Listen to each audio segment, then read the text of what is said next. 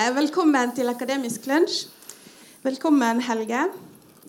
Eh, I dag skal det handle om klimautviklingen globalt og lokalt. Og Helge jobber ved Geofysisk institutt ved Universitetet i Bergen og ved eh, Bjerknessenteret. Gi han en stor applaus.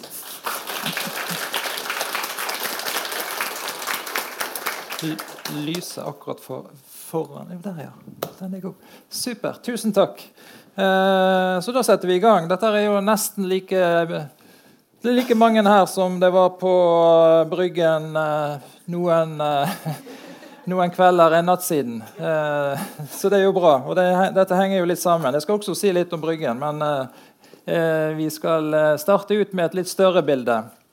Og da er dette en animasjon som viser i hvit farge total mengde fuktighet i atmosfæren. Så det er alle eh, vanndråper og molekyler som er telt opp. Og vi ser det at fuktigheten primært kommer fra tropene. Og Årsaken til det er jo det at her er det kraftig med soloppvarming. Så det er fordampning av vannmolekylene fra havet, og de går i atmosfæren. Og vi holder hus her et sted. Så vi ser jo det at det kan være nokså eksotiske dråper som kommer over oss. Det skal jeg komme litt tilbake til. Eh, det kan være en mager trøst. I, I i vintre som vi har hatt nå. Så jeg skal si litt om eh, det som skjer globalt, eh, det som skjer hos oss. Og så eh, si litt om eh, hva som må til for å få kontroll på klimaendringene, som er da i hovedsak menneskeskapt, og vår eh, rolle i dette systemet. Det kommer ganske mange lysark, eh, også animasjoner og filmer. Alt vil være tilgjengelig. Så dere kan, eh, Hvis dere søker på mitt navn, så får dere e-postadressen. Så Den kommer til å legge dette ut på nettet, så da får dere en lenke så dere kan laste ned og se på og kanskje diskutere. Det nærmer seg jo en påske, og da blir det sikkert familiesamling. Og det er sikkert noen som leser kommentarfeltene i Bergens Tidende. Så det er greit å ha noe i bakhånd. Uh, det, vi starta med en kule. og Det kunne vært en hvilken som helst kule, men denne kulen er litt spesiell. Den har noen groper, og i gropene er det vann. Og rundt denne kulen er det en luft eller en atmosfære. Så vi kjenner denne kulen. Og denne kulen den, mest, eh, den blir oppvarmet mest ved ekvator, i tropene. Og det er jo rett og slett pga. at eh, tropene er nærmest solen. Så her er det en skikkelig oppvarming hele tiden. Og hvis, hvis dette var eh, totaliteten, hvis ikke det var noe bevegelse i hav eller atmosfære, så ville temperaturen i tropene bare øke og øke og øke. Så da forstår vi det at ja, det må være noe her som fjerner denne varmen. Så det må være en transport av varme fra tropene nordover på nordlig halvkule og sørover på sørlig halvkule. Jeg sier ikke det at dette, dere ikke kjenner til det. Det er ikke derfor. Det kommer et poeng. Så vi har denne kulen. Og så, som nesten alle andre kuler i universet, så roterer denne kulen fra venstre mot høyre, fra vest mot øst. Og Det gjør at disse pilene de går ikke rett nordover eller rett sørover. De vil bli bøyd av mot øst. Og da ser vi det at uh, dette er årsaken til at vi ligger i vestavindsbeltet. Mesteparten av været kommer fra Atlanteren, og så svinger det mot våre områder. Og Da kan vi gå tilbake til denne animasjonen. som i og så Da kjenner vi igjen fuktigheten kommer fra tropene. Og så har vi denne bevegelsen mot øst på hver halvkule. Eh, det som skjer nå, er jo at global temperatur øker. Det betyr også tropene blir varmere. Og denne varmen vil da bli spredt til hver halvkule. Så vi har en global endring. Og ja, så Slik er da hovedtrekkene til atmosfæresirkulasjonen. Og vi holder hus her. Så da ser vi det at det er virkelig eksotiske dråper. Tidvis å komme ned. Jeg har jo tatt konsekvensen av det i dag med gummistøvler. Eh, men det betyr også det at skal vi forstå hva som skjer hos oss, så må vi ha en superkikkert. For den må nå helt ned til i alle fall til Karibia. Så dette illustrerer også det at uh, vi tror det at uh, ja, det som skjer langt vekke, det, det, påvirker ikke oss. Men det er jo helt feil. Så vi alle tilhører én og samme kule, én og samme skip. Så hvis det skjer noe et sted, så vil det ha ringvirkninger også i, i, i tilfelle på, på, vær og klima i, i, Bergen. Så det skal vi ta litt. Og så hva er utfordringen? Og det er klart det er veldig mange utfordringer som vi står overfor. Og, så, og jeg er klimaforsker, så dere skjønner jo hva, kanskje hva jeg tenker på. Men det, jeg vil jo si at dette er én av utfordringene. Men det er helt klart at det er vi som sitter her, vi er grunnen til veldig mange problemer og bekymringer. Selvfølgelig. Og eh, hvorfor det? Det er jo pga. at vi er, vi er, en kjempesuksess. Det er, jo, det er jo veldig vanskelig å forestille seg en større suksess enn menneskeheten. Så dette er antall mennesker på jorden de siste 2000 år. Så vi ser Det var jo ikke mange av oss frem til 1700-1800-tallet, men det har jo endret seg. Og jeg er født i 1965. Da var det vel tre milliarder av oss. Og i dag er det nærmer vi oss åtte milliarder.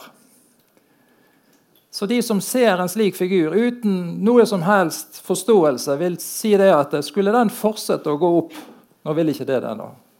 Men skulle den fortsette å gå opp, så vi, eh, da, da, da er det noe som må skje. Dette, dette kan ikke fortsette. Global befolkning vil flate ut kanskje på 9-10-11 milliarder i andre halvdel av dette århundret. Men det at vi har blitt så mange, det betyr det at eh, for første gang i vår historie så, har, så, må vi forholde oss til at vi har naboer. Vi er ikke alene lenger. Og Det motsatte skjer jo gjerne. At hver og en av oss vi har nå en mer en større økonomisk frihet, iallfall i Vesten. Og så det individet betyr mer og mer, og vi føler oss mer og mer suverene. Så egentlig så vil vi legge vekk denne faktaopplysningen, og så vil vi egentlig gjøre og ture på eh, som vi selv, selv, vil. Og Det er et veldig vanskelig regnestykke. Det går ikke opp. Eh, så er det slik at eh, vi trenger energi. Og Dampmaskinen ble oppfunnet på 1700-tallet. og Da var det trevirke, så ble det kull, og så ble det olje, og så ble det gass. Og når vi bruk, forbrenner kull, olje eller gass og Her har jeg et, et, eksempel på en gass. Det er en lighter.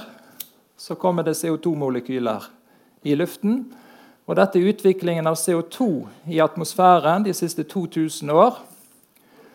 Eh, og Det er en enheter her er, vi er jo ikke de flinkeste alltid. PPM det er milliondeler, parts per million. Men den 400 den betyr 0,04% Så det er jo ikke det at det er mye CO2 i atmosfæren. Heldigvis. Men økningen er formidabel. Og når jeg var født i 65, da var det 320 av disse enhetene, og i dag er det over 400. Så dette er litt det samme bildet som vi så tidligere. Så vi bruker veldig mye, mye kull, olje og gass i dag. Og det er, dette er en alvorlig situasjon. Vi har mer CO2 i atmosfæren i dag enn over de siste tre millioner år. Økningen startet her. Så det er ikke slik at uh, hvis, man, hvis, jeg hadde plottet den figuren tilbake, at det plutselig ble veldig høy uh, nivå. Nei. Eh, den startet rundt år 1800 med industrialiseringen. Og hovedårsaken, ca. 80 av denne, eh, som er årsak til denne økningen, det er forbrenning av kull, olje og gass. Og så kommer det noe som er veldig dårlig kjent, og som er veldig alvorlig for vi som sitter her, og ikke minst kommende generasjoner. Og det er det at eh, dagens CO2-utslipp, om det kommer fra bly, bil eller fly eller lighteren, så vil det være en 20% klimavirkning. I alle fall om 1000 år. Så hver dag vi fortsetter å bruke kull, olje og gass, så endrer vi egentlig livsgrunnlaget for kommende generasjoner og arter på jorden i veldig lang tid. Altså 1000 år det er jo uendelig langt frem for oss. Vi, en menneskegenerasjon er jo 30 år. Eh, så dette er, en, dette er, en, veldig alvorlig situasjon. Og så er det det at vi ser jo ikke CO2-en. Nå kunne jeg kanskje kjenne at det var litt lukt her, men vi ser jo ikke CO2-molekylene. Og det er jo en ulykke. For hadde CO2 hatt en farge eller lukt eller vært helseskadelig, så måtte vi gått på apoteket med resept for å kjøpe kull, olje eller gass. Men vi kan fargelegge CO2-en, iallfall sånn ja, Designere kan gjøre det. Og Det kommer snart en serie på NRK hvor vi har gjort akkurat det samme for Bergen. Men nå skal vi til New York. Og Da er det noen bobler her.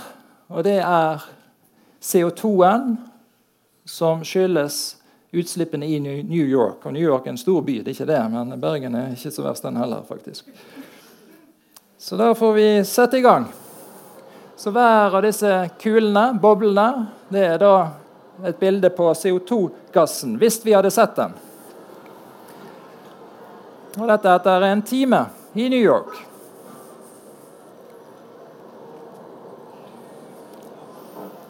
Og etter en dag. Og så blir det et år.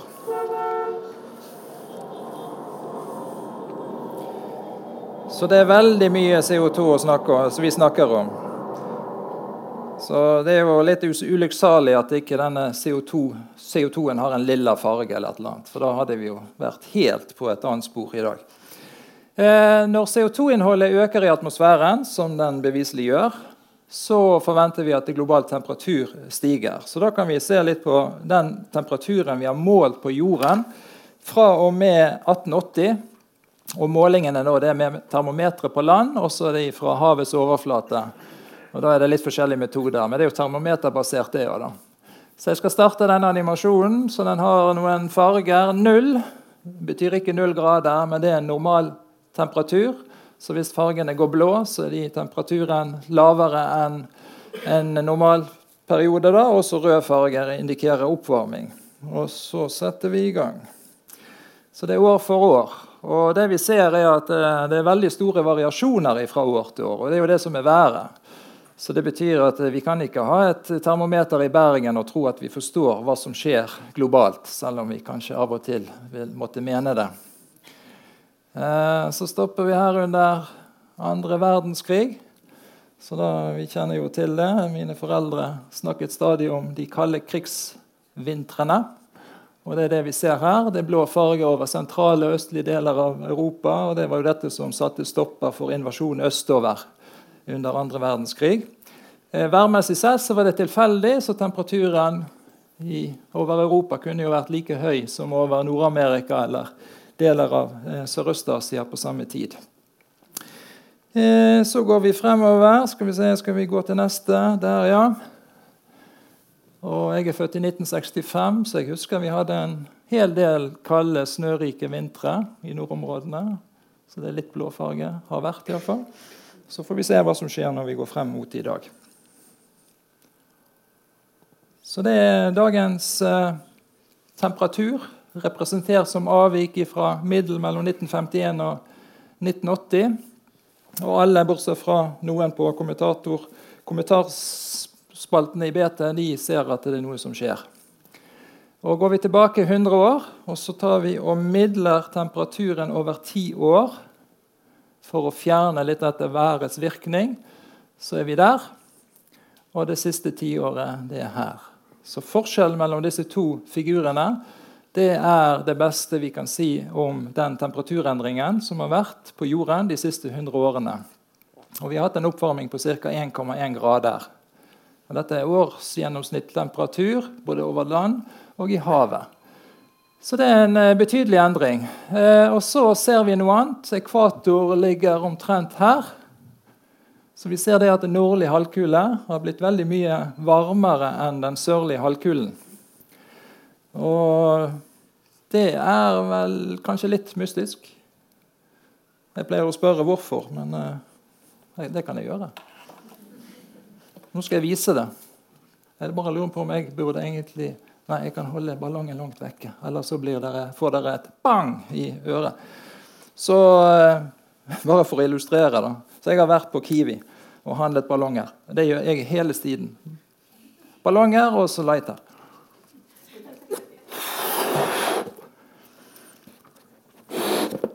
Så eh, Det første som jeg kjenner, det er at denne ballongen har omtrent ikke vekt. Og det andre jeg vet, og vi alle vet hva som skjer nå Så det var greit. Og så spurte jeg om jeg kunne få ta meg en tur på et toalett der borte. Og det kunne jeg, så da er det fra samme pakke helt tilfeldig. Og da er det en ballong med vann. Eh, så dette pleier å gå veldig bra. Har gjort det til nå. Eh, veldig lenge. Og jeg har ikke med meg backup når det gjelder Mac så, eller maskinen min. Så. Men det er jo, det er jo noe, det er en forskjell her, da.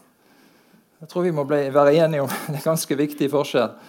Og dette, akkurat denne forskjellen den, det er det som forklarer hvorfor nordlig halvkule har blitt så veldig mye varmere enn sørlig halvkule. Eh, og da er det sånn at eh, 70% av jordens overflate det er hav. Og mesteparten av havet den er, ligger sør for ekvator. Og vannet har en fantastisk evne til å ta opp og holde på varme. Og det er det som skjer her. Det kommer varme fra flammen. Den varmer opp ballongen, gummien her, også på innsiden av gummien.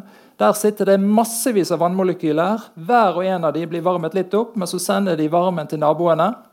Slik at temperaturen like innenfor flammen aldri blir så høy at eh, vi når smeltepunktet da, til gummien.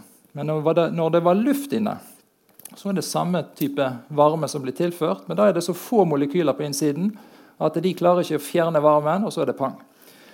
Eh, så havet har en utrolig evne til å ta opp og holde på varme. Ca. 4000 ganger eh, større fak, ja, evne til å ta opp og fange på varme enn luft. Så Derfor så er det en veldig stor skjevfordeling mellom nordlig halvkule og sørlig halvkule. Land ligger primært nord for ekvator. Og Selv på nordlig halvkule ser vi jo det at havtemperaturen det virker som det har vært betydelig mindre oppvarming over hav enn over land. Det er bare en illusjon. Men eh, så, så, havet spiller en veldig stor eh, og viktig rolle. Eh, da hadde jeg med, jeg skal gå litt videre på det. Jeg tror vi skal hoppe over vikingtiden. For vi, vi tror de fleste skjønner at det er en spesiell situasjon i dag. La oss gå til havtemperatur. Og Det første jeg skal vise nå, det er det at okay, når, når, lufttemperaturen øker, så betyr det at det blir mer varme i atmosfæren. Og Varme det måler vi noen enheter som eh, få eller ingen av oss helt forstår. Det er da joule som er enheten. Glem det. Og tallet der er veldig stort. Glem også det. Men det at eh, lufttemperaturen i atmosfæren har økt, det er vist med den røde fargen her. Og Så har vi båter ute, og det, det er ulike instrumenter i verdenshavene. Og de måler jo temperatur fra topp til bunn. Og så kan vi se hvor mye, hvor mye har varmemengden i havet økt siden 50-tallet og frem til i dag. Og det er vist i den blå fargen. Så mer enn 90% av klimaendringen på jorden den er i dag parkert i havet. Ok, Vi lever på land, så det er det vi forholder oss til. Men den største klimaendringen den ligger i havet. Og Det er jo gode nyheter, for det betyr at havet tar opp så mye varme slik at lufttemperaturen øker langsommere enn den ellers ville gjort. Det som ikke er så gode nyheter, det er jo det at eh, selv om vi får, når vi får kontroll med klimagassutslippene, så vil en hel del av denne varmen komme tilbake til atmosfæren. Og det vil ta hundrevis, tusenvis av år. Så dette er den andre årsaken til at det vi har satt i gang nå, det vil vare veldig lenge. Og jeg sier ikke det at det betyr at det er håpløst å gjøre noe nå med utslippene, men vi vil ha konsekvenser av det vi har gjort de siste par 50-100 år i veldig, veldig lang tid fremover. Og så er det det at når vi varmer opp vann, så tar det med større plass. Det utvider seg. Så det betyr at havet stiger. Og det er Halvparten av årsaken cirka, til at havet stiger i dag, det er det at eh, temperaturen i havet stiger. Den andre halvparten den skyldes det at breer smelter så å si overalt. Så da kommer det mer vann i havet. Pluss at det grønlandsisen smelter, pluss at det er netto smelting i Antarktis. Og Da skal vi ta en liten tur til Grønland og se noe som har skjedd der. Og, og, ja, så dette er nokså dramatisk. Vi går nå på vestkysten av Grønland. Eh, der er det en bred arm som kommer ut, som heter eh, så det er ved Ilulissat. eller Jakobshavn Bre. Og her er det noen som er utstyrt med kamera. Så grønlandsisen ligger til høyre, og så er det en transport ut i en fjord. Så dette er mye is. En niendedel er over vannet, og resten er under. Total høyde 600-800 meter. Yes, skal vi se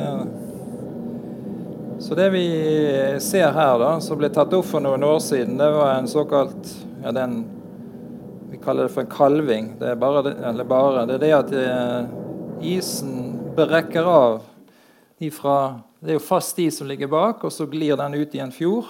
En stor fjord, 5-6 km brei. Og så brekker det av. og Dette var jo et, en, en voldsom hendelse. Da. Den er så stor at man kan måle den med med så det blir som et jordskjelv. Så seismikkmåleinstrumenter fanger dette opp. Det som skjer nå, det er to ting. Det ene er at, altså det som jeg har sagt, er at havtemperaturen stiger. Så hvis vi tenker at den isen her fra Grønland eller også i Antarktis den glir ut mot havet, i havet, og gjerne på en fjord, da, så er det fjordvannet på undersiden den temperaturen der øker, slik at det blir økt smelting på undersiden av disse armene. Det er det ene. Det andre som skjer, er at om sommeren nå så kommer det veldig mye mer regn på Grønland enn tidligere. Tidligere kom det i hovedsak snø. Og Når det kommer mye regn på isen, så går regnet gjennom isen. Den sildrer seg ned, 2-3 km tjukk is. Og så legger regnvannet seg mellom grunnfjellet og isen.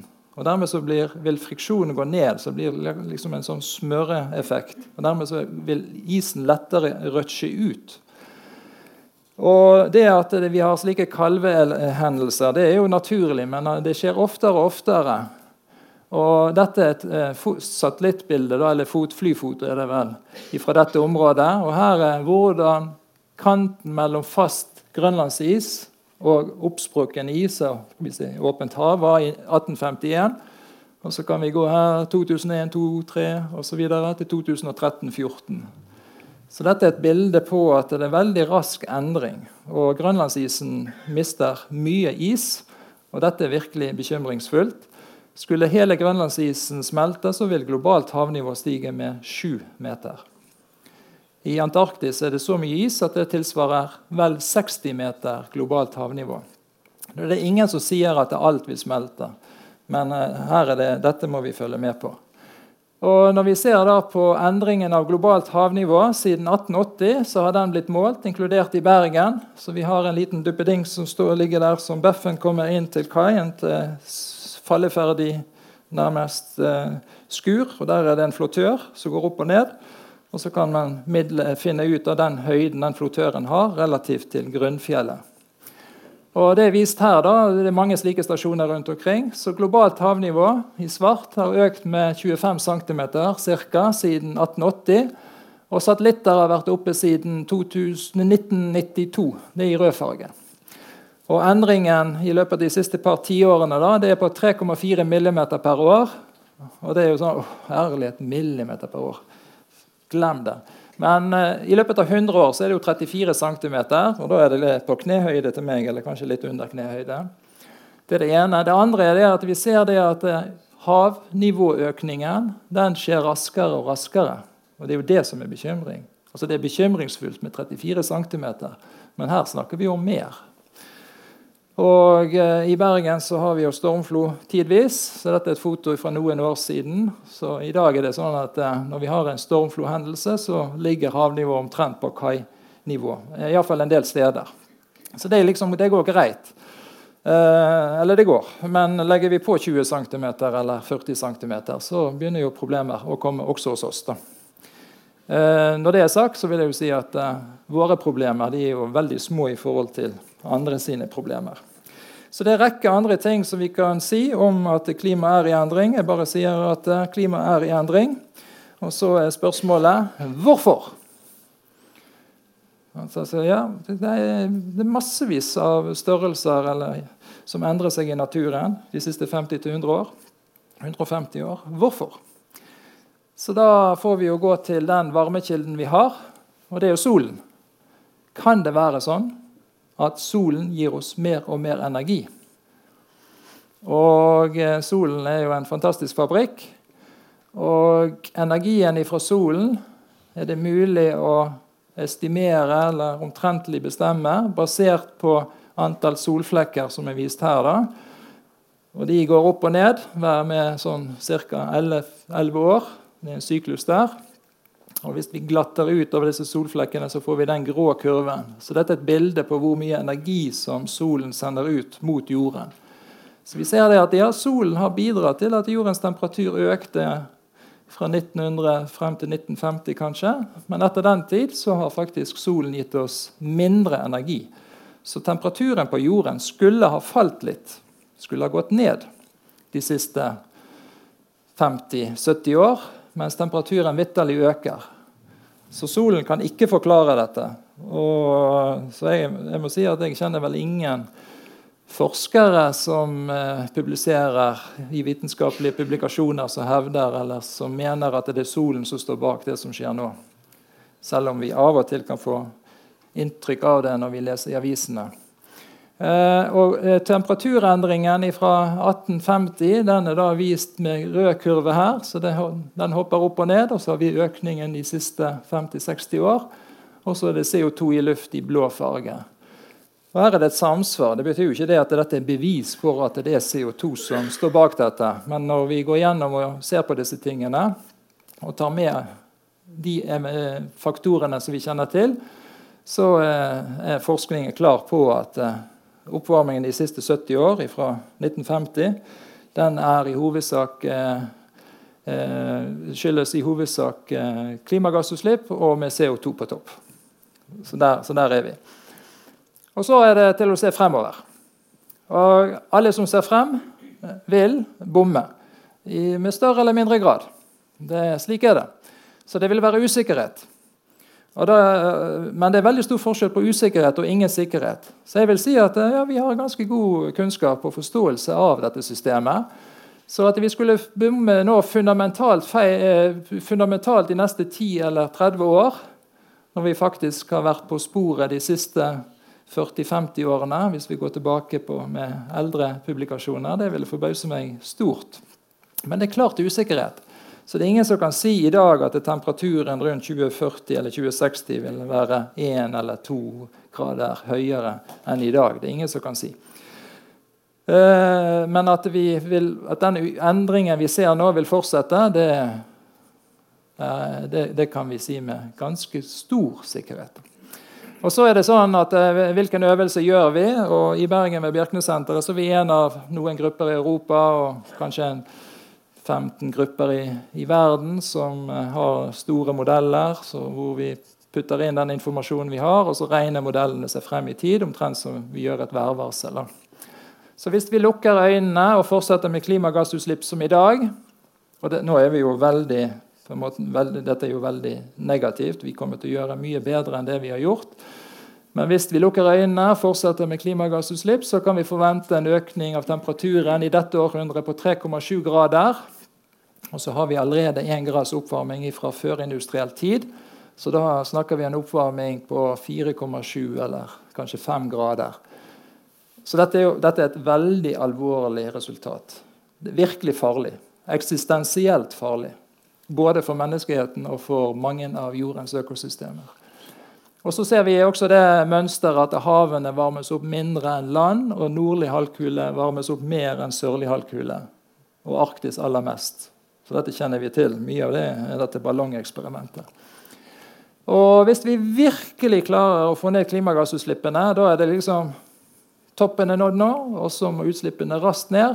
Da kan vi kanskje begrense Eh, temperaturøkningen i dette året, århundret til én grad, pluss den ene graden vi har fra før, og da er det togradersmålet vi snakker om. Og Selv om global temperatur øker med to grader, så ser vi at landområdene vil øke mer, og nordområdene enda mer. Kanskje med tre-fire-fem grader. Og Så kan man si det at å, sommeren i Bergen det er jo bare helt trist. Så hva er problemet med denne ene graden eller to? Det er jo bare la det komme. Eh, det kan man kanskje være enig i. Men nå snakker vi om global temperatur. Og da er spørsmålet Skulle global temperatur øke med 2-3 grader, og det kan meget vel skje i andre halvdel av dette århundret, hvor langt tilbake må vi gå for å finne tilsvarende klima? Og da er det sånn at Vi må antageligvis, sannsynligvis vel tre millioner år tilbake for å finne dette klimaet som vi kan nå forvente å få i andre halvdel av dette århundret.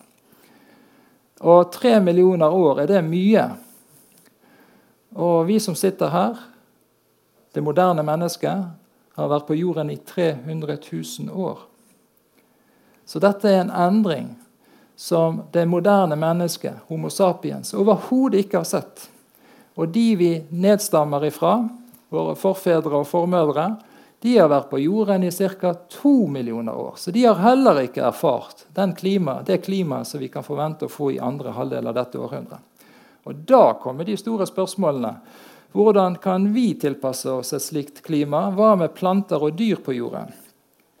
Eh, begynner vi å se at ting skjer, og det gjør vi jo. I Europa har det vært en rekke varme somre. Den siste var jo sist sommer. Og Her står det, det at Europa har hatt fem 400 års somre i 15 år. En 500, 5, 5, 500 års somre i 15 år. Yes. En 500 års sommer den kan man forvente skjer tilfeldig én gang hvert 500 år. Men nå har det kommet fem sånne i løpet av de siste 15 årene. Så statistikken er helt feil. Det betyr det er en endring.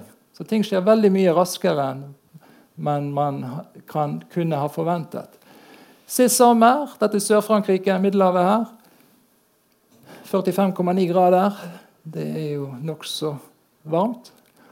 Dette er et værkart som ble produsert av en meteorolog eller en organisasjon. Samtidig er det noen som kan se et mønster. ja, det er ok, Så dette, dette, er målingene. Dette er en interpretasjon. Yes. Og California kjenner vi til. Australia kjenner vi til. Eh, hvis vi går tilbake noen år, sommeren 2012 og 2013, så hadde de det som de kaller, kalte da, den gang for 'the angry summer'. Den hissige eller alvorlige sommeren. Australia er en stor øy. Det er et kontinent.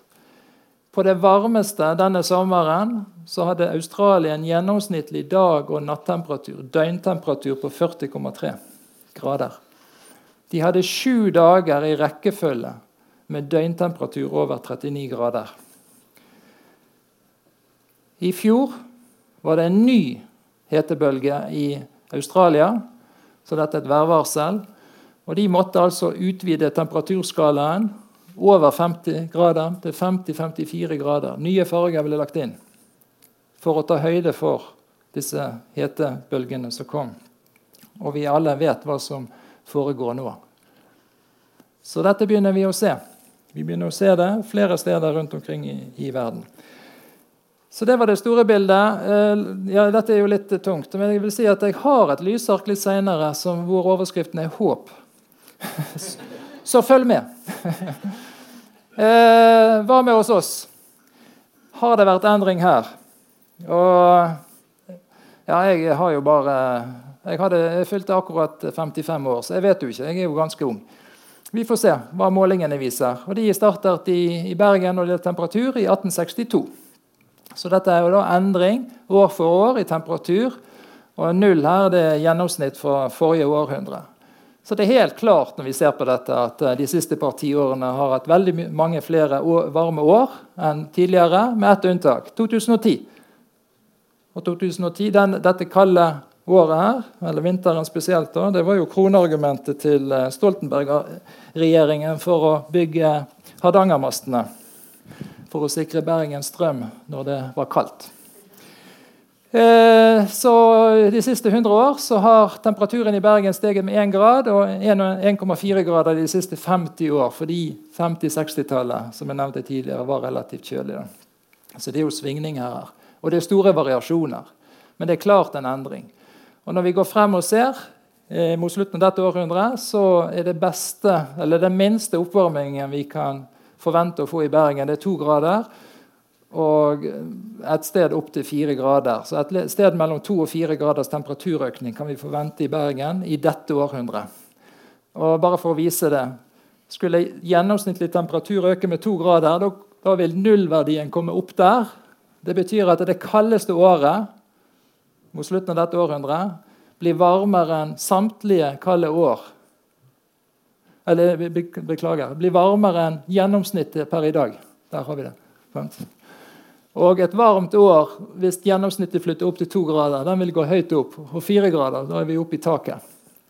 Så dette er en situasjon som vi, all, vi har overhodet ikke erfart. Det er helt nytt.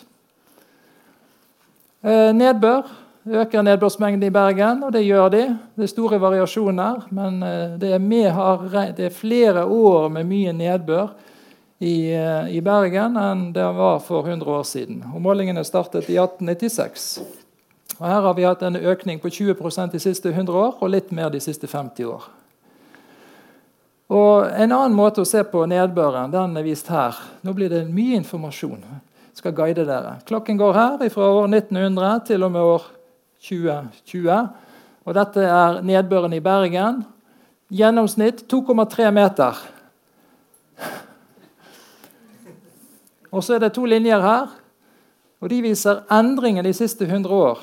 Den røde viser endring de siste 100 år. Og den har vært på en halv meter. Det er jo helt utrolig. Altså Her regner det 2,3 meter. Men de siste 100 år så har nedbørsmengden økt med en halv meter. Så det er ikke en liten økning. Dette er jo skikkelige saker. Og, det, og, Så kan vi se på alle månedene. da, Januar, februar, mars. Og så er festbildene lagt til mai. Og det er jo ikke uten grunn. Det er jo måneden med minst nedbør. Og så kan vi se hva har endringen vært fra måned til måned.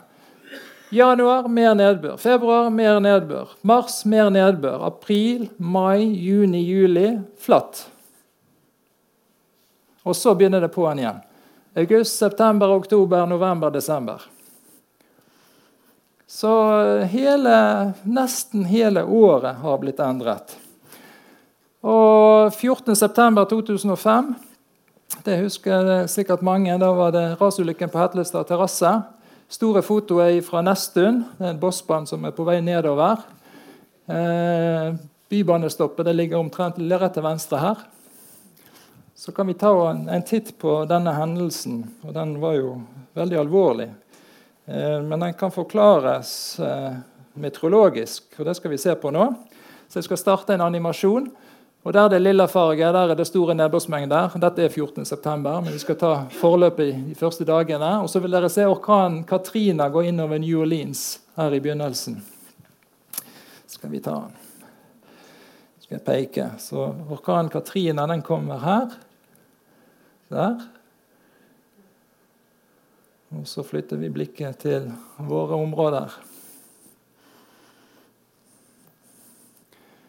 Så da ser vi dette var da dagen før, 14.9. Og Hvis vi er en fugl og ser ned på jorden, så blir bildet slik. Så det er fuktig luft som kommer fra Karibien, krysser Atlanteren. Det er den, beltet her. Det tar ca. en uke. Det kalles for en atmosfærisk elv. Og Når den milde, fuktige luften treffer fjellene, så blir luften løftet opp, kjølt ned, og så får vi store nedbørsmengder. Så hele kysten vår fungerer som en nedbørsfelle for disse hendelsene. Og med global oppvarming så vil jo vi fremdeles ha fordampning. Faktisk så vil fordampningen øke, og varm luft kan holde på mer fuktighet. Og disse armene de ligger og slår sånn. Det var den nordvesten som vi startet ut med. Og når disse armene treffer oss, så vet vi resultatet. Da blir det store nedbørsmengder. Og Dette begynner vi å se i Norge. Så her er det litt sånn Norge rundt. Um, Og Jeg sier ikke det at alt det vi ser her, er pga. klimaendringer, men ekstremnedbøren den øker, og den øker mer enn gjennomsnittlig nedbør. Så her var det Opo som gikk over sine bredder i oktober 2014. Det var fem hus som ble tatt der. Og der, Dette er da den situasjonen med fuktig luft fra Karibien, krysset Atlanteren og inn mot kysten. Så hele Vestlandet var jo en, egentlig i en unntakstilstand.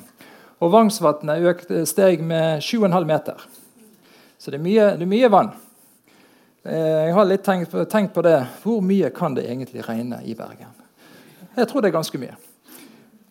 Eh, ja, og så er det, det, dette er da vest, et kart over Vestlandet. Så det var flom der det gule sirkler. Det er ikke en veldig alvorlig situasjon. Men så er det storflom, røde sirkler. Da er det mye vann. Og så vet vi det at når det kommer vann fra oven, så kommer det også stein og jord, så det er gått skred.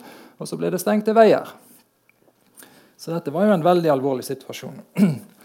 Og Senere har vi hatt andre eksempler fra Utvik i, i Sogn og Samnanger. Eh, og Jølstad nå i sommer, som vi husker, der det dessverre var en som passerte et ras når det kom. Så det er havnivå. Her er det en lokal eh, kompis som er ute i eh, Kanskje ikke kompis, men en lokal iallfall. I 1990.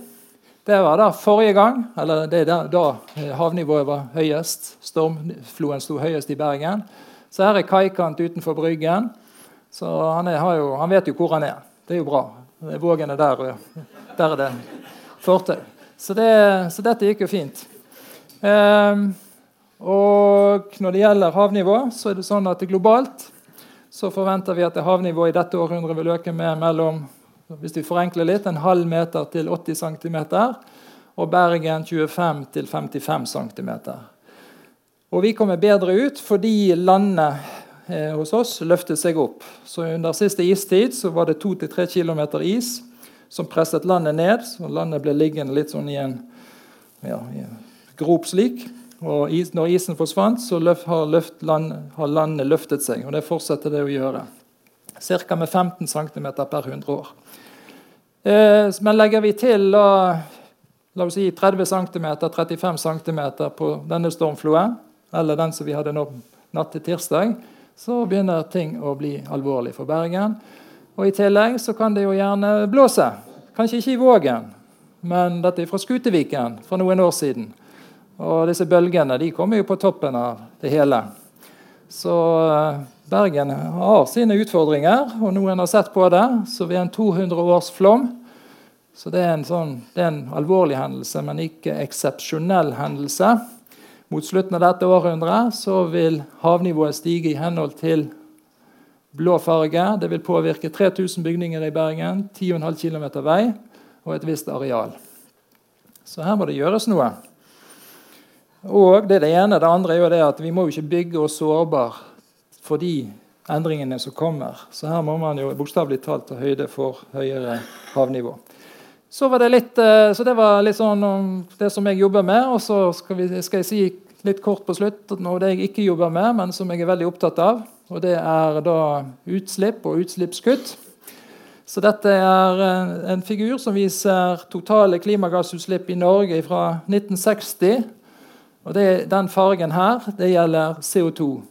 Så alltid når vi bruker kull, olje og gass, så får vi CO2. Så dette er egentlig bruken av fossil energi i Norge. Og den har økt. Og den stiplede linjen det er 1990-nivå. Så CO2-utslippene i Norge har økt med 26% siden 1990. Dette er jo ikke bra i hele tatt.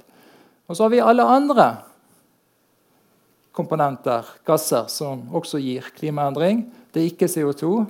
Der er metan og svovel og nitrogen og sånne ting. Og de utslippene har gått ned. Men totalt sett så har altså utslippene i Norge økt med ganske mye siden 1990. Eller iallfall en del siden 1990. Ok, Så det var det ene. Eh, det som er mer interessant, kanskje, det er å se fremover. Og hva er det som er målet? Hvor store utslippskutt må vi ha? Og da er det slik at Norge og EU sine mål i utgangspunktet var at de skulle ned med 40% relativt til 1990. Og så har vel Norge nå med Klimakur endt opp med 50% Så det er et sted her mellom 40 og kanskje 55 da, som vil bli det som blir stående. Og EU de skal diskutere dette nå i løpet av neste halvåret. Eh, og eh, skal vi nå kunne nå 1,5-gradersmålet, begrense global temperaturøkning til 1,5 grad i forhold til førindustriell tid, da må utslippene ned i henhold til denne kurven. Så det er da 8% kutt per år hvert år. Og Hvis man legger, merke, legger merke til vinkelen der oppe ifra hva som har vært tilfellet til nå, og det som er nødvendig, så ser vi jo det at uh, dette blir ikke enkelt. Uh, når det gjelder togradersmålet, så er det litt mindre dramatisk, men fremdeles så må utslippene ned 2,5% per år. Og rundt ja, Så også her snakker vi om ganske store kutt.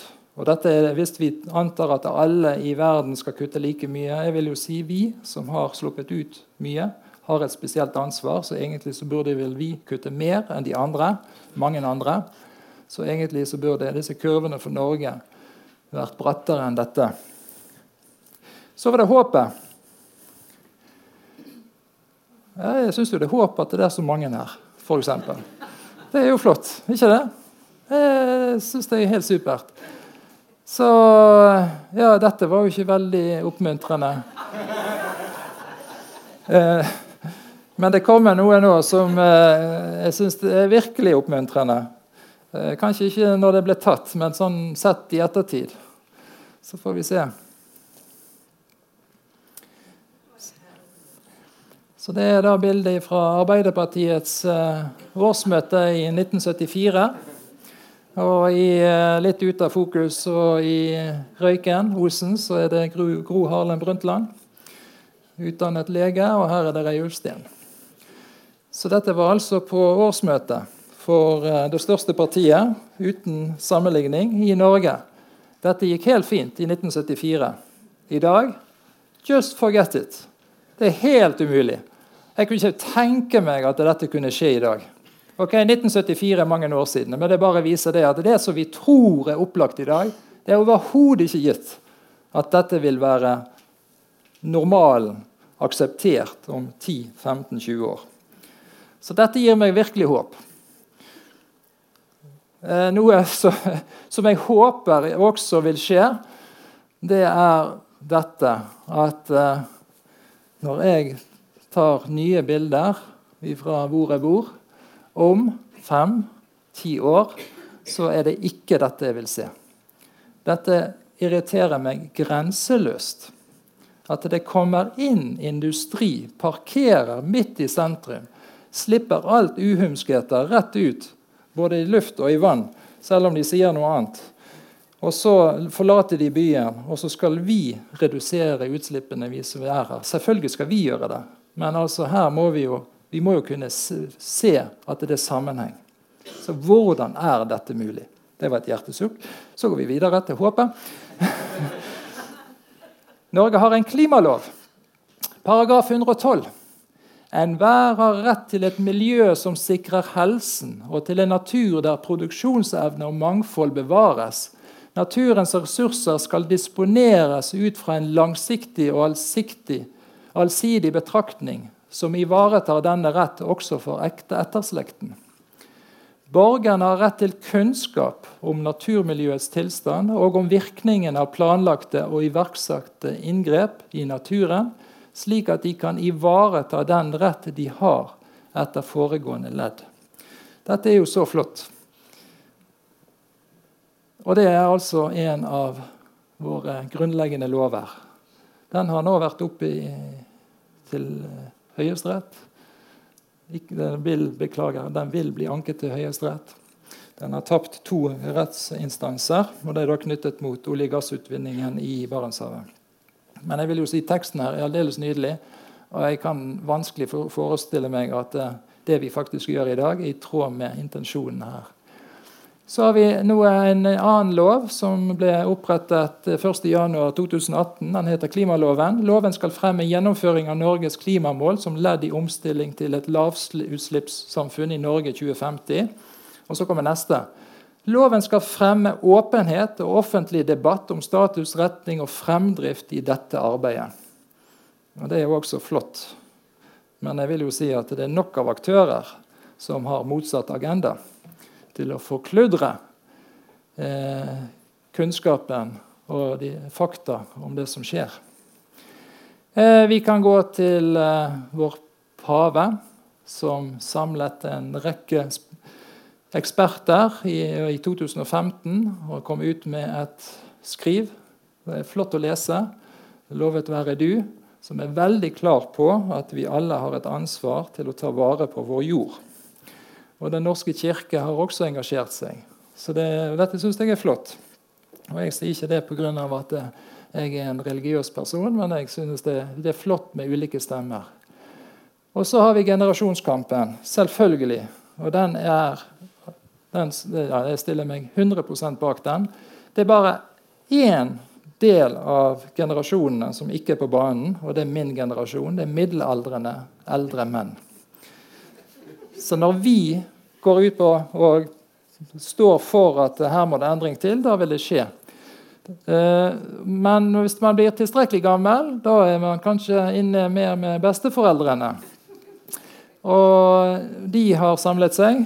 Det er nydelig, det er supert, de er veldig aktive, de er synlige. Og selvfølgelig skolestreikene. Ja. Så, det, så dette gir, gir håp, selv om det var jo vi som skulle gi de unge håp. Eh, så hva med vi som sitter her? Og Det er ikke min intensjon å vise pekefinger eller noe som helst, men vi kan jo tenke over altså, hvor kommer våre utslipp ifra. Og Da er det fem B-er. Det er biff, det er mat. Og så er det forbruk. Og så er det bil. Og så er det fly. Og så er det hvor vi bor. Og det er indikert noen prosenttall der. og Det er sånn, litt sånn typisk, men eh, jeg vil ikke gå god for det. Men det er omtrent der vi er, sånn på individnivå i Norge. Så det er fem B-er. Og så selvfølgelig bruke stemmeseddel og alt dette her. Gjerne protestere og demonstrere. Og det er bare helt supert. Eh, når det gjelder bil, så er vi jo på rett kurs. Elbilene kommer, kanskje kommer det hybrid for større Eh, biler, lastebiler. Eh, når det gjelder bolig, så de som blir bygget i dag, de er mye bedre energimessig bygget enn tidligere. Det burde jo vært nøytral eller plusshus. Vi har ikke kommet helt der, men jeg tenker dette, her er vi på rett kurs. Når det gjelder eh, mat, så er jeg veldig optimistisk at det langt flere faktisk klarer å kutte ut kjøtt, spesielt rødt kjøtt, én dag i uken, eller kanskje to dager i uken. Hva er problemet? Jeg ser ikke problemet i hele tatt. Jeg tror dette kommer. Og så har vi problemene. Det er jo det at eh, flyaktiviteten, både privat og ellers, den øker veldig raskt. Og forbruket øker veldig raskt.